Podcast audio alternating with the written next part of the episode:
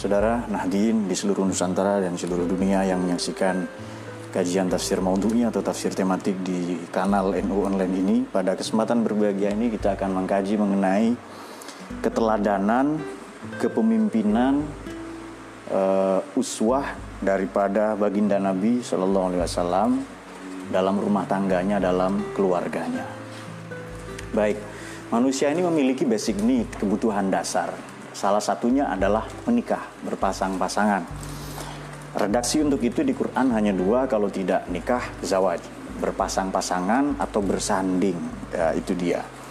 Dan dahulu kala pada masyarakat pra-Islam atau masyarakat jahiliyah, ada empat jenis pernikahan. Jadi perempuan sebegitu murah, tidak berharga, tidak bernilai.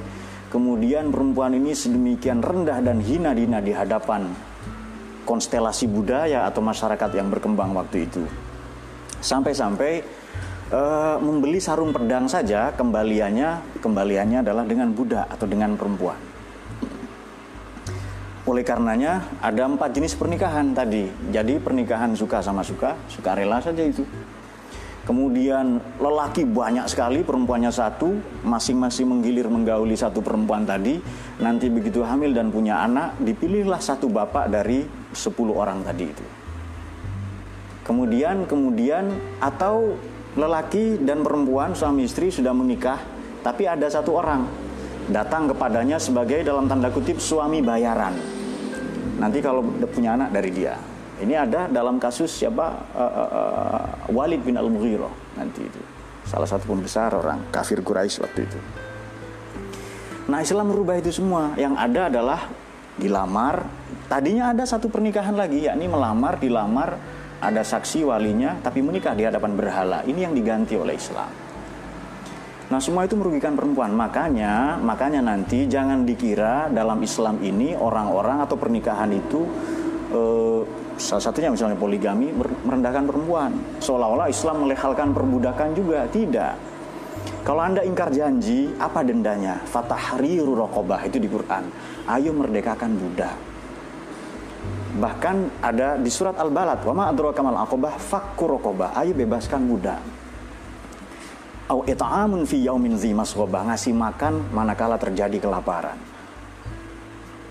Atau yatiman za makrobah, atau miskinan za makrobah, yatim, miskin dan lain-lain. Dan seterusnya. Baik. Uh, oleh karena itu nanti dipilihlah pernikahan yang itu. Mula-mula begini, saya ingin menceritakan sebelum sebelum membacakan tafsir dari berbagai ini ya dalam dalam sebelum saya membaca Ruhul Maani uh, Imam Al-Alusi, kemudian Al-Qurtubi, Asy-Syaukani, juga Imam Ar-Razi ya, sering kita baca. Mula-mula begini.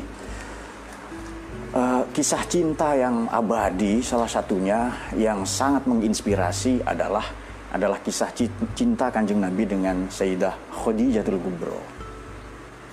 Baik, uh, sebelumnya kita akan ceritakan beberapa profil uh, istri-istri Nabi ya. Selain Sayyidah Khadijah binti Khuwailid itu ada Saudah binti Zam'ah, kemudian kemudian uh, Aisyah binti Abi Bakar, Hafsah binti Umar bin Al-Khattab, Hindun binti Abi Umayyah atau lazim dikenal populer dengan Ummu Salamah Romlah binti Abu Sufyan atau Ummu Habibah, lalu Sayyidah Juwairiyah atau nama aslinya Barroh ya, binti Al Haris, kemudian Sofiyah binti Huyai Al Akhtab, Zainab binti Jahsi yang dahulu pernah dinikahi oleh putra angkat beliau Zaid bin Harithah, Zainab binti Huzaimah, Maimunah binti Al Haris, kemudian uh, uh, Maria Al Kibtiyah ya. Uh, uh, kemudian kemudian yang nanti dari beliau punya keturunan bernama Said Ibrahim meninggal sebelum berumur 2 tahun Asma binti An-Nu'am, binti An-Nu'man, lalu uh, Amroh binti Yazid. Baik. Uh, umat Islam waktu itu belum mengenal, belum mengenal ya, jadi masyarakat uh, umat Islam transisi dari masyarakat jahiliyah belum mengenal istilah apa namanya wa'ashiruhunna bil ma'ruf pergaulilah istri-istrimu dengan cara yang ma'ruf. Belum mengenal istilah itu. Mempergaul seperti disinggung dalam surat An-Nisa ayat 19. Dengan cara yang ma'ruf. Ma'ruf ini tidak populer istilah itu. Sebab perempuan sedemikian rendah, sedemikian hina dina. Kita mulai dari perjalanan Sayyidah Khadijah. Kanjeng Nabi ini setidaknya umur 9 tahun sudah berdagang lintas negara. Bukan bukan perdagangan jual duku, rambutan, level kampung, bukan sudah dagang lintas negara. Baik, beliau berdagang ke negeri Syam. Syam itu sekarang pecah jadi empat negara. Nomor satu Suria atau Syam atau ibu kotanya Damaskus atau Dimashq. Yang kedua adalah Lubnan, Libanon, ibu kotanya Beirut kemudian Jordan, Yordania, ibu kotanya adalah Amman dan Palestina. Jadi empat negara ini yang disebut negeri Syam. Kemudian Mekah Madinah itu Hijaz, ya kan? Mekah Madinah apa? Hijaz. Nah, dari sana. Jadi lebih kurang belum lagi nanti sampai sampai ke Syria, belum lagi ke Yaman kalau kalau musim-musim dingin. Jadi perdagangan yang dilakukan oleh Abu Jahal, Abu Lahab, Abu Sufyan, Walid bin Al-Mughirah Wa'il dan para pembesar Quraisy waktu itu adalah perdagangan lintas negara, tujuh negara. Dan kita tahu di Syam itu banyak peradaban. Di samping Persia ada pengaruh India. Di samping juga peradaban Romawi. Baik. Kita mengenal di situ dalam dalam surat uh, Quraisy ya. Li'ila fi Quraisyin. Ada Quraisy Quraisy itu apa sih? Dari kata kurs. Kurs ini uang atau ekonomi. Quraisy adalah orang yang ahli di bidang kurs. Maka li'ila fi Quraisyin oleh karena petualangan perjalanan mereka bangsa Quraisy itu ya uh, uh, uh, ila fi syita musim dingin ke Yaman ke selatan. Jadi di sini Hijaz. Ini Hijaz ya. Mekah Madinah lah bahasa dulu Hijaz. Ini Mekah dan Madinah atau Yathrib. Di sebelah selatan ini Yaman, sebelah sini. Uh, tapi agak agak ke barat ya. Jadi di barat laut. Di sini Yaman. Kemudian di sini agak sini ini Syam. Kenapa kalau musim dingin ke, ke Yaman? Kenapa? Kenapa? Karena di sana laut dan persis di bawah Saudi sekarang. Yang konflik teruskan dengan Saudi, satunya yang mati siapa itu? Uh, yang dimutilasi di Turki. Ya, kemudian kalau Syam ini di utara, ada salju turun di sana. Makanya di kota Aleppo ada salju. Jadi kalau musim dingin ke selatan, kalau musim panas ke utara. Kenapa? Karena musim dingin tidak mungkin ke utara itu, karena salju turun nanti. Nah, leluhurnya Nabi yang kesekian namanya Quraisy. Nama aslinya Fihir. Jadi Muhammad ya bin Abdullah bin Abdul Muthalib bin Hashim bin Abdi Manaf bin Kusoy bin Kilab bin Murrah bin Ka'ab bin Lu'ay bin Ghalib bin Fihir yang ke-11. Fihir ini nama aslinya Quraisy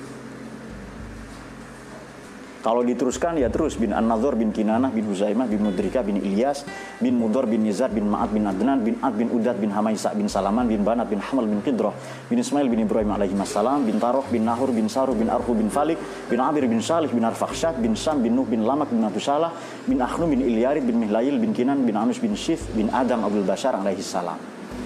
Ada di sini di Siron Nabawi uh, Abdul Malik bin Isam al-Muafiri uh, juz 1 halaman 5 nanti bisa diperiksa ya.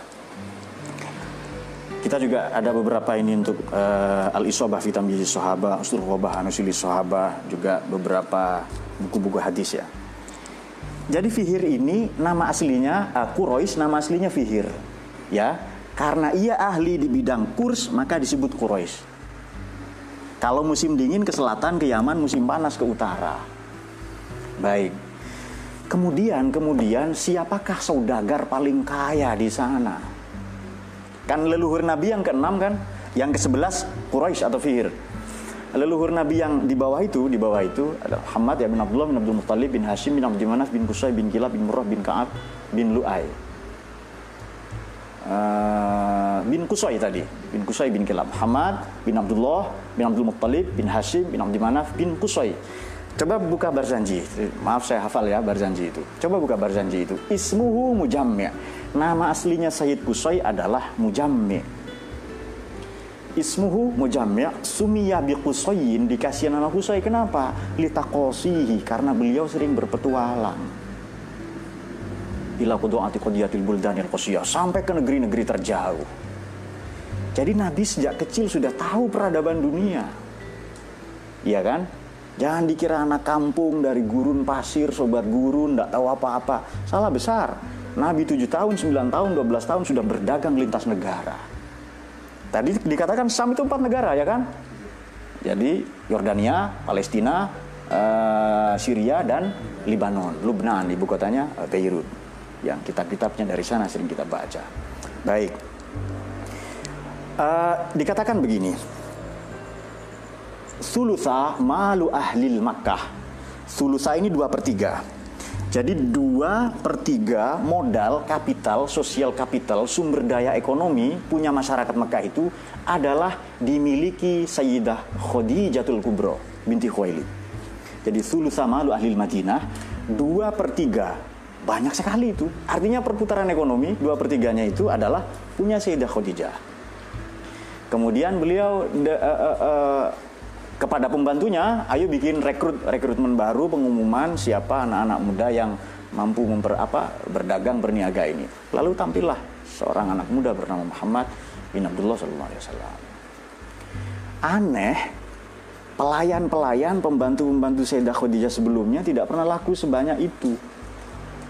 Tapi begitu begitu kanjeng Nabi ya sebelum sebelum jadi Nabi waktu itu lari sekali dagangan. Siapa itu katanya? Itu Muhammad kata Maisaroh. Maisaroh ini pembantunya. Itu datang kok banyak sekali keuntungan.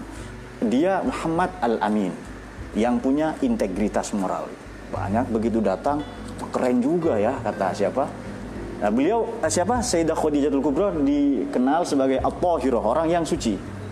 Tidak pernah menyembah berhala, menjaga pergaulannya, terhormat, punya nasab yang baik, baik ayah maupun ibu ketemu ketemu dengan nabi nasabnya, Sayyid Kilab.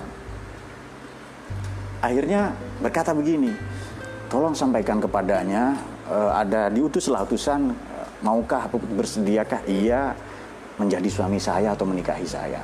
Ini kalau tadi ya bekerja sama dengan Nabi menjadi asas, menjadi muasal nanti terjadinya mudorobah, profit sharing bagi hasil Kalau yang dilakukan Sayyidah Khadijatul Kubro tadi kepada Nabi dalil bahwa perempuan boleh melamar calon suaminya kalau orang baik. Kok tidak ada yang amin kalian? Nah, jadi boleh perempuan melamar calon suami. Ya, ini saya ketawa-ketawa belum sampean belum belum sunat kok sudah belum sunat ya. Nah, baik. Ini dalil ya, hanya saja mungkin di tradisi kita kurang lazim, tapi prinsipnya boleh, agama membolehkan. Makanya nanti ada redaksi ma'ruf ya yang akan kita ulas. Baik. Sedikit lagi. Uh, sudah singkat cerita dilamar. Berapa maharnya Nabi? Adalah ada yang tahu berapa? 20 20 ekor kunta betina. Satu unta itu 55 juta. Katakanlah 50 juta saja, maka maharnya Nabi itu satu miliar. Kalau 55 juta, ya tinggal dikali itu. 1, belum lagi ditambah beberapa keping emas atau ukiyah bahasa Arabnya. Kalau dikalkulasi sekarang, zaman sekarang, kira-kira mahar Nabi itu, maharnya Nabi itu 1,3 miliar. Kalau diuangkan sekarang. 20 uh, eh, unta betina yang bagus dan uh, beberapa keping emas ukiyah.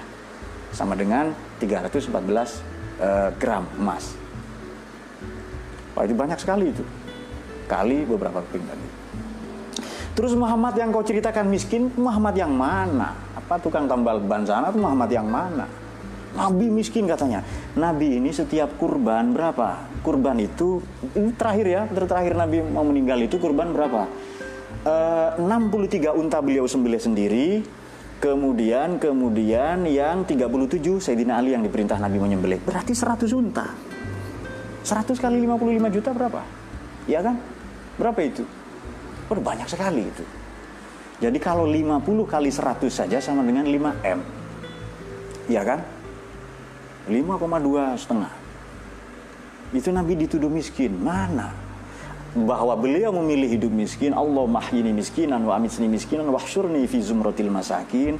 Hidupkan saya dalam keadaan miskin, matikan dalam keadaan miskin, kumpulkan di mahsyar bersama orang-orang miskin sebagai kecintaan beliau kepada kaum mustadafin, orang-orang yang tertindas mereka yang uh, tertindih, terhimpit oleh budaya atau, sistem kapitalisme yang berlangsung di dan sistem tribalistik yang berlangsung di Arab jahiliyah.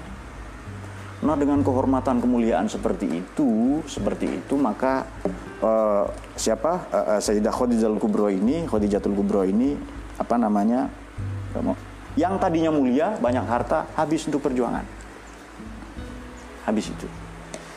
Nah, juga uh, di Barzanji dikatakan begini, kan kan nanti e, kalau flashback ke depan Sayyidah Aisyah itu kan cemburu ya kan? Namanya masih anak muda kan?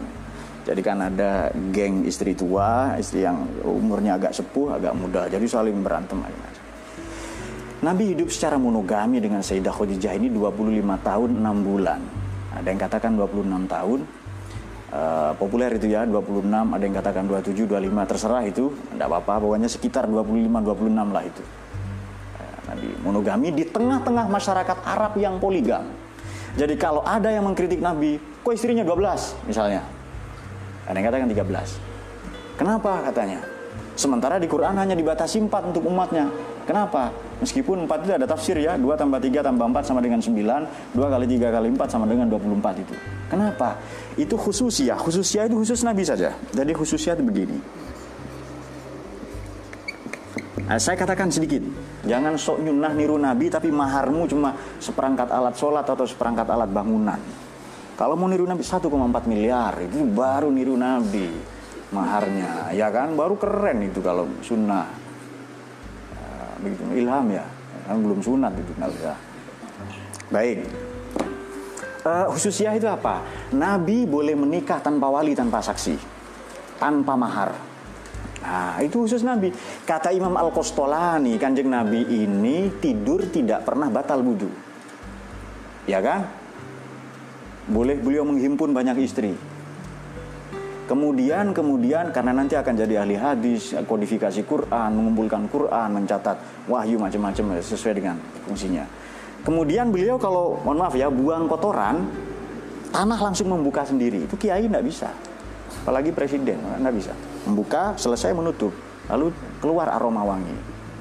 Jadi jangan sok niru Nabi, tidak semua bisa kita tiru dari Nabi. Tidak semua. Beliau kalau meludah tidak pernah jatuh ke tanah. Apa bisa kita? Langsung diambil oleh sahabat itu dan di, ke seluruh tubuhnya dibalurkan supaya mendapat keberkahan dari Nabi itu. Dan lain-lain. Tidak pernah pakai parfum tapi wangi. Kita tidak bisa. Jadi jangan sok niru Nabi ya. Nggak usah nabi lah itu ya. Makanya kalau masuk surga itu tujuannya hanya ketemu bidadari, dapat bidadari 72. Itu Islam biasa. Itu dia aja oleh Nabi Sulaiman. Nabi Sulaiman seribu istrinya. Coba itu. Di dunia itu Nabi Daud, Nabi Daud 100 ayahnya alaihi salam. Jadi kalau di surga nanti kalian salah seorang dari kalian seperti diumumkan lah dikampanyekan oleh pseudo pseudo ustad oleh ustad ustad karbitan di TV masuk surga bidadari 72 Nabi Sulaiman lewat jalan-jalan di surga kan, Mas Islam biasa ya, pasti begitu itu. Kan Nabi Sulaiman dah setuju, Tuhan di dunia saja istri saya sudah seribu, masa di surga dikasih 72 ya kan? Mau 72 ribu dong kan seharusnya begitu. Artinya apa? Kebahagiaan di surga bukan itu. Jadi mereka itu nanti wujuhu yauma idzin nadhirah ila rabbiha nadhirah. Pada hari itu wajah mereka berseri-seri ahlul jannah itu kepada Tuhannya mereka memandang itu seharusnya bertemu Tuhan. Harapan kita masuk surga seharusnya itu. Sekarang begini saja, kita gak kasih perbandingan ya. Uh, Zen anaknya hilang misalnya. Setelah hilang berhari-hari tahu-tahu pulang ketemu. Lebih bahagia, enak saja lah ya. Lebih enak mana? Anak yang hilang ketemu, kuda yang hilang, kambing atau motor mobil hilang ketemu dengan dengan koitus, sexual intercourse dengan jima. Enakan mana? maka rendah sekali itu kalau memang obsesi kita cuma itu. Dan mohon maaf seolah-olah kita menganggap Tuhan itu penyedia layanan seksual. Ya kan? Kalau memang obsesi itu. Tapi kita tidak munafik memang seks itu memang enak. Allah alam biswa. Baik. E, kemudian kemudian begini. Sayyidah Aisyah tadi dikatakan cemburu ya. Tapi sebelum ke sana, mari kita membaca beberapa tafsir. E, gini kita kemukakan di Ruhul Ma'ani Imam Al-Alusi ya wafat 1270 mengenai An-Nisa 19 ayat 19 wa ashiru nabi ay khaliquhun nabil ma'ruf wa huwa ma la yunkiruhu syar'u wal muru'ah wal murad huna uh, an-nasofah fil qismi wan nafaqah wal ijmal fil qaul wal fi'al. Ini dilakukan Nabi. Quran ini turun ke hatinya Nabi ya. Dan lalu Nabi menyampaikannya. Mempergauli ma'ruf 36 kali di Quran. Ma'ruf itu apa sih? Ma'ruf ini adalah benar menurut agama, baik menurut budaya dan moral itu ma'ruf itu. Inna Allah ya'muru bil adli ihsan wa ita'dzil qurba wa yanha 'anil fahsya'i wal munkari wal baghi ya'izukum la'allakum. Uh, ma'ruf itu apa? Lawan katanya mungkar. Mungkin boleh menurut agama, tapi menurut budaya, moral, tradisi tidak baik. Nah itu dia. Jadi uh, bedanya ma'ruf dengan uh, ma'ruf dengan mungkar itu. Dengan apa tutur kata yang baik itu itu tutur kata Nabi itu ya. Kemudian uh, perbuatan yang baik. Ini bisa kita contohkan begini apa sih perbuatan Nabi yang baik itu sebelum sebelum nanti kita lanjutkan Imam Al Qurtubi dan yang lain-lain ya kepada istrinya apa baik uh, diriwayatkan dari Sayyidah Aisyah ya ada beberapa poin ini. Beliau berkata begini in Rasulullah sallallahu itu lina fashimin wa ana haidun. Kanjeng Nabi itu manakala disuguhkan air dan Sayyidah Aisyah meminum dari sana maka Nabi menempelkan bibirnya di gelas itu. Ini lebih keren daripada sepiring berdua. Kemudian manakala beliau mem memakan memakan daging yang ada tulangnya sedikit, lalu Nabi memungutnya dan memakan sisanya itu. Itu ada dalam dalam Musnad Imam Ahmad hadis 24.373. Nah, jadi menempelkan mulutnya Nabi bibirnya kepada bekas makan dan minuman istri. Itu lebih keren daripada sepiring berdua. Baik, yang lain, Nabi ini mengusap air mata istri beliau. Salah satu istri beliau adalah Sofiyah binti Huyai. Menikah dua kali ya. Terakhir Sayyidah Sofiyah ini perang ikut perang karena ingin ketemu Nabi. Coba ada nggak itu? Jadi salah satu keistimewaan Nabi itu dikerumuni, dikepung, dikelilingi, dicari-cari, diburu oleh wanita. Itu keistimewaan Nabi. Nah, Anda nggak usah menghayal, Anda bukan Nabi, santai. Iya, santai. Sayyidah Sofia tahu, kita ini perang akan kalah sudah pasti kalah nanti di perang Khaybar kan bentengnya Yahudi di perang Khaybar yang nanti Sayyidina Ali itu adalah Fatihu Khaybar penakluk benteng Yahudi di Khaybar itu. Memang ingin kalah ingin ditangkap ingin jadi tawanan ingin ketemu Nabi itu. Coba itu. Itu keren sekali itu. Dan, dan begitulah. Baik. Karena di Sofia Rasulullah Sallallahu Alaihi satu ketika Sayyidah Sofia itu bersama Nabi di perjalanan kemudian kami ada di belakangnya ya. Ini kata sahabat Anas bin Malik pembantu Nabi yang masih kecil waktu itu Kemudian Sayyidah Sofia itu uh, uh, uh, lambat sekali jalannya karena untanya lambat. Lalu beliau menangis. Kenapa menangis? Kata Nabi itu. Ini unta saya unta yang lambat, makanya lalu Nabi mengusap air matanya. Tapi uh, jangan lebih alangkah baiknya kita jangan membuat uh, menangis ya. Jadi orang yang membuatmu kecewa tak pantas kau tangisi. Jadi seharusnya orang yang kau tangisi adalah yang tidak pernah meneteskan air matamu. Itu dalam Sunan An-Nasa dalam hadis riwayat An-Nasai ya dalam as apa kitabnya Imam An-Nasai? As As Sunanul Kubro hadis yang ke 9162 jadi Nabi me, apa namanya uh, uh, uh, uh, mengusap air mata istrinya dari Anas bin Malik. Baik sekarang French kiss. French kiss tahu nggak? Tahu nggak? French kiss tahu nggak? Berciuman tapi lidahnya menempel gitu. Bayangkan sendiri. Baik lagi-lagi dari Sayyidah Aisyah bahwa beliau berkata, Inna Nabi SAW karena idza qabala ba'da nisa'ihi masalisanha.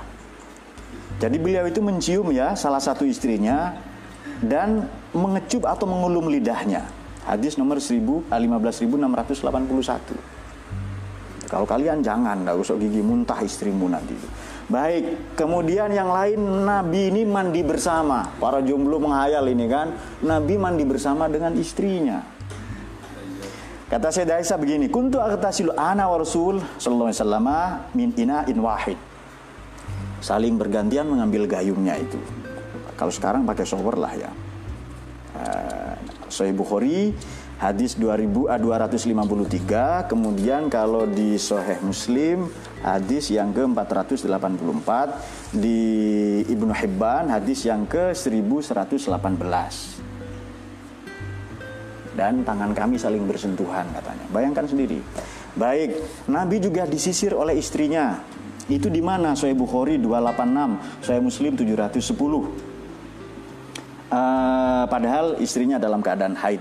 Kemudian berikutnya Nabi tidur di pangkuan istri. Ini pernah dilakukan bernama, bersama Sayyidah Khadijah. Nabi tidur dan waktu itu masa kekosongan wahyu. Jadi kan dapat wahyu pertama kan Nabi cemas kan bersama Sayyidah Khadijah itu. Cemas lalu beliau memanggil saudara sepupunya. Nanti datang, kemudian ketemulah dengan orang yang namanya Abdullah bin Abi Quhafah. Ini nama asli, nama asli dari Sayyidina Abu Bakar ya Abdullah bin Abi Quhafa. Ayo saya antarkan ke saudara saya. Nanti ketemu lalu diantar lagi ke seorang pendeta namanya Warokoh bin Naufal.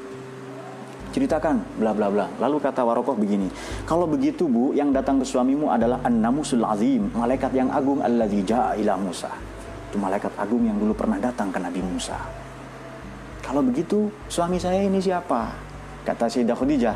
Warokoh bin Naufal menjawab, la nabiyyu hadhil umma, ya nabinya umat ini. Jadi Sayyidina Muhammad orang yang membawa informasi seperti Anda akan diusir dari kampung halaman Anda. Artinya dan, dan nanti terbukti Nabi diusir dari dari Mekah nanti itu ke Habasah dan lantas ke ke Madinah, bahasa Ethiopia itu. Kalau saya hidup nanti saya akan membela kamu, tapi beliau nanti tidak berumur panjang. Nah lalu ada kekosongan wahyu. Lagi-lagi kita baca Barzanji. Maaf ya saya hafal yang begitu-begitu. Jadi kata Barzanji begini. Semua fataral wahyu thalasa sinina au thalasina syahra liyashta liyashta ko ilang tishaki hati kan nafahati syadhiyah. Summa unzilat alaihi ya ayyuhal muddathiru faja'ahu jibrilu nada. Wa kana linubuwatihi fi, fi taqaddumi qra' bismi rabbika sabiqun ala anna laha sabiqiyah wa taqadduma risalatahu mil bisyarati wan nizarati liman da'a uh, kalian lama menghafal itu, tidak usah menghafal, tidak apa-apa. Tidak wajib itu, tapi biar keren lah itu, cinta Nabi itu. Fatorul wahyu, wahyu terhenti, ada masa jeda, ada vakum uh, of verses, ada kekosongan wahyu, kekosongan ayat Quran. Sudah. Salah sasinin 30 bulan, au salasina syahro. Salah sasinin 3 tahun, au salasina syahro. 3 tahun atau 30 bulan? 3 tahun sama dengan 36 bulan. Nangis, kemudian Sayyidah uh, Khadijah itu menangis dan air matanya menetes ke Nabi dan Nabi terbangun dari tidurnya, istirahatnya. Kenapa kamu menangis? Kata Nabi, apakah engkau menyesal bersuamikan saya, Muhammad? Kemudian, kemudian uh, uh, engkau dulu punya harta dan kehormatan. Sekarang kau miskin gara-gara hartamu dihabiskan untuk perjuangan ini. Engkau punya kemuliaan nasab yang baik, tapi engkau sekarang dikucilkan, diisolasi oleh masyarakatmu sendiri yang disedihkan tidak sabda Sayyidah kata Sayyidah Khadijah tidak tidak Nabi yang saya sesalkan adalah yang saya tangisi adalah uh, sampai sejauh ini saya belum berbuat banyak bayangkan begitu banyaknya beliau merasa belum berbuat banyak Nabi kalau nanti tiba umurku ajalku itu, kata Sayyidah Khadijah ya kalau tiba umurku ajalku dan perjuanganmu belum tuntas kau ingin menyeberangi lautan atau atau mengarungi sungai dan kau tidak temukan perahu atau rakit, galilah kuburku maka susunlah tulang belulangku menjadi perahu menjadi rakit. Wah, ada perempuan sehebat itu. Itu juga membuat Nabi bergetar. Maka Sayyidah Khadijah tidak pernah terganti kedudukannya meskipun beliau meninggal. Sampai-sampai Sayyidah Aisyah cemburu, ya kan? Ada orang tua datang ke rumah Nabi, surbahnya dilepas, dihamparkan, silahkan duduk. Kemudian pulang orang itu, Kenapa Nabi kata Siti Aisyah orang ini sangat kau? Kenapa? Orang ini sangat dimuliakan istri saya dulu. Dimuliakan oleh Sayyidah Khadijah, Khadijatul Kubro radhiyallahu anha. Istri saya sangat mencintainya. Tugas saya sebagai suami karena istri pertama saya meninggal, maka saya memuliakannya sebagaimana istri saya memuliakannya. Sayyidah Aisyah bilang begini, kan sekarang ada gantinya, lebih muda, lebih cantik, gadis pula ya kan. Siti Fatimah ada di sebelahnya dan nggak terima loh ini ibu saya dihina katanya. Pergi itu Siti Aisyah itu. Lalu kata Nabi, bilang Aisyah ya, ah, Fatimah bilang sama Aisyah itu, secantik-cantiknya Aisyah tetap mendapatkan duda, sejanda-jandanya Khadijah tetap mendapatkan perjaka. Nah, keren itu kalimat itu. Walhasil tidak pernah terganti Sayyidah Khadijah. Ini sejarah yang saya baca. Ya kan saya baca. Kalau orang punya perspektif berbeda ya silahkan. Tapi minum berdua dengan Sayyidah Aisyah. Saya kira dengan istri yang lain juga begitu. Hanya saja Sayyidah Aisyah ini akilah, cerdas, jenius. Maka dipotret, di reportase, disampaikan dalam hadis. Saya kira Nabi juga mandi bersama dengan istri yang lain. Hanya saja Sayyidah Aisyah ini yang muda, yang cerdas, yang cantik menyampaikan itu. Nah, Baik, berikutnya membelai istri. Itu dari Urwah bin Zubair, beliau membelai istrinya. Itu ada ada uh, uh, uh, di Sunan Abu Dawud hadis nomor 1823 dan At-Tabrani dalam Al-Mu'jam Al-Kabir hadis nomor 19 uh, 19577. Jadi Nabi membelai istrinya semua, lalu nanti bermalam di mana? Di rumah ya istri yang tiba gilirannya tadi. Uh, kemudian ada istilah ladies first, perempuan dulu. Ini juga diceritakan oleh siapa? Oleh Sayyidina Malik bin Anas bin Malik radhiyallahu an bahwa dalam perjalanan pulang di penaklukan Khaybar itu kharajna ilal Madinah qala faraitu Rasulullah sallallahu alaihi wasallam kemudian yuhawwilaha ra'u bi'aba'atin summa yajlisu inda Jadi Nabi mempersiapkan unta kemudian menyediakan lututnya atau pahannya bagian atas untuk Sayyidah Sofia ini naik jadi mempersilahkan istrinya, itu keren itu. Soheh Bukhari 26.000 hadis yang ke 2679. Lalu memanggil istrinya dengan panggilan sayang. Humaira, Wais, Waisa ya. Ya Waisin, ya Waisa, ya Ais. Itu panggilan masa kecil. Jadi begini, orang Arab itu kalau manggil dengan panggilan masa kecilnya itu panggilan sayang namanya. Dalam bahasa Inggris pumpkin ya, ternyata labu ya. Itu saya Bukhari 3768. Baik, uh, uh, uh, mengantar istri. Itu di Sahih Bukhari 1897. Sayyidah Sofia yang diantar. Kemudian Nabi juga traveling keluar kota dan keluar negeri bersama istrinya. Ini orang yang jarang liburan, ajak liburan istrinya. Sahih Bukhari 2404 dan Sahih Muslim 4974. Itu traveling ya, jalan-jalan biasanya diundi karena banyak istrinya, diundi ya. Nabi Yatuf datang berkeliling, kadang Yatuf maknanya menggilir. Sorry para jomblo, diundi lalu satu diajak. Kadang mengajak istri makan di luar. Hadisnya mana? Uh, uh, uh, Sahih Ibnu Hibban 5301. Kemudian Nabi berbincang bersama istri di luar, ngobrol di luar itu loh. Itu di Sahih Bukhari 4810, Sahih Muslim 4477. Kemudian menenangkan amarah istri. Itu ada ada ada di di di, di Oh tadi sudah disinggung apa Siti Sayyidah Aisyah dia. Baik, saya bacakan sedikit lagi tafsir ya uh, ini dari dari uh, Imam Al-Qurtubi Al-Jami' Al-Ahkamil Quran. Yang dimaksud muasyiruna bil ma'ruf itu alama amarallahu bihi min husnil muasyarah. Tutur katanya baik Nabi tidak pernah menyinggung perasaan. Wah itu panjang sekali kalau saya cerita akhlak Nabi ya di buku. Nabi Muhammad bukan orang Arab itu maaf tidak promosi tapi di situ saya ungkapkan detail sekali akhlaknya Nabi. Menunjuk tidak dengan satu tangan tapi dengan kelima jarinya begini atau begini dan itu lebih sopan kemudian uh, hanya memakan makanan hidangan yang ada di depannya, mengantar tamu sampai ke ujung jalan, tidak menyela pembicaraan. Kalau sebagai tuan rumah beliau makan sampai terakhir kali berhenti, kalau sebagai tamu makan cepat selesai. Banyak lagi kisah-kisah seperti itu keteladanan Nabi.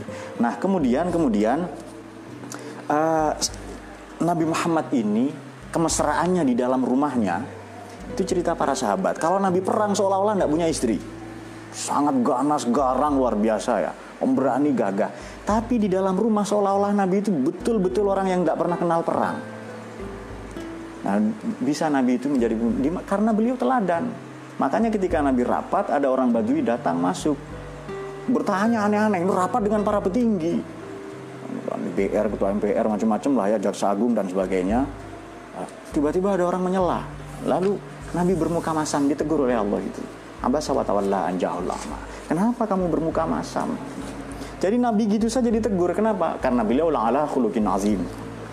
Kalau para nabi itu khulukin azim, kalau kanjeng Nabi itu la'ala khulukin azim, la'ala di atas para nabi semua. Makanya di Burdah bagaimana?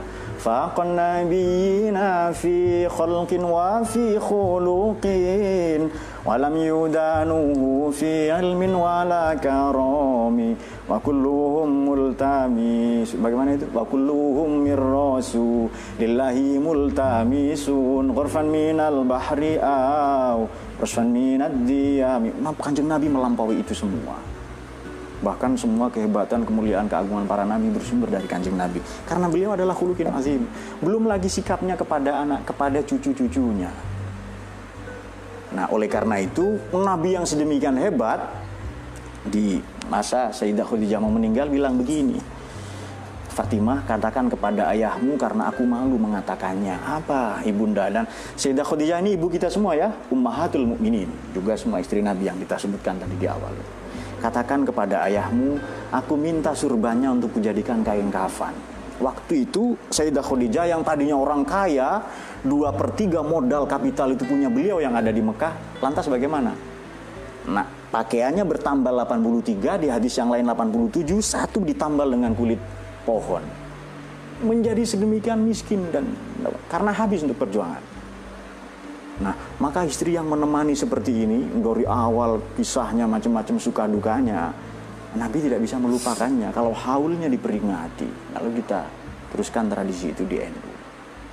Nah, baik. Tadi dikatakan begini kan, kenapa Nabi boleh menghimpun banyak istri? Tidak mungkin satu, tidak mungkin satu ini. Sebab begini, masing-masing punya keistimewaan kan ya. Sayyidah Hafsah binta Umar, Sayyidah Sofiyah binta Huyai al-Ahtab, Sayyidah Aisyah binta Abu Bakar As-Siddiq, itu semua punya peranan masing-masing. Ada yang hadis, jadi yang yang mampu menyamai Abdullah bin Abbas, Abdullah bin Mas'ud, Abdullah bin Amr bin As, Abu Hurairah, Anas bin Malik yang mampu menyamai mereka dalam meriwayatkan hadis semata-mata adalah Sayyidah Aisyah padahal beliau perempuan. Itu keren sekali. Jadi tidak mungkin makanya makanya Nabi ini punya khususiyah itu. Tidak usah raja-raja lah ya. Di Indonesia saja Raja Brawijaya 400 selirnya. Makan Raja Cina, kemudian di peradaban di, di, di Aztec, di Meksiko sana. Ada yang 4000 raja itu. Jadi kalau soal banyak-banyakan itu, makanya tidak benar orang banyak salah kaprah. Poligami ini mereduksi, bukan menambah. Nabi hidup di tengah-tengah masyarakat poligam justru monogam selama 25 tahun 6 bulan ada dikatakan 26 tahun. Iya kan? Justru nanti di periode Madinah itu. Nah ini orang-orang salah paham. Nabi mengurangi orang Arab istrinya 100, simpanannya 200, gundingnya 400, anaknya 600. Biasa itu. Nabi mengurangi itu. Makanya kalau kita melanggar, melanggar sumpah, tidak berpuasa, apa hukumannya? Dendanya fatahriru rokobah, bebaskan budak. Islam satu-satunya agama yang melakukan pembebasan, penyelesaian yang membebaskan budak. Paling sukses Islam. Tahu Nelson Mandela, sampai 94 ada perbudakan. Sampai kemarin 94, berapa tahun yang lalu? Berapa, berapa dekade yang lalu? Berapa dasawarsa yang lalu ya kan? Nah ini orang banyak makanya Islam ini agama rahmat, agama cinta kasih kepada istri saja. Oleh karena itu nanti di Quran itu ada ayat begini, "Amin ayatihi an khalaqalakum min anfusikum azwajan litaskunu ilaiha wa ja'ala bainakum." Surat Rum ayat 19. Nah, saya pernah dapat undangan itu, bukan surat Ar-Rum tulisan Az-Zalzalah ayat 1 katanya. Loh, kan ardu. Oh, mungkin maksudnya gempa yang ada di kamar ya di malam pertama. Jadi maksudnya itu surat undangan pernikahan itu loh saya pernah dapat salah. Uh, baik.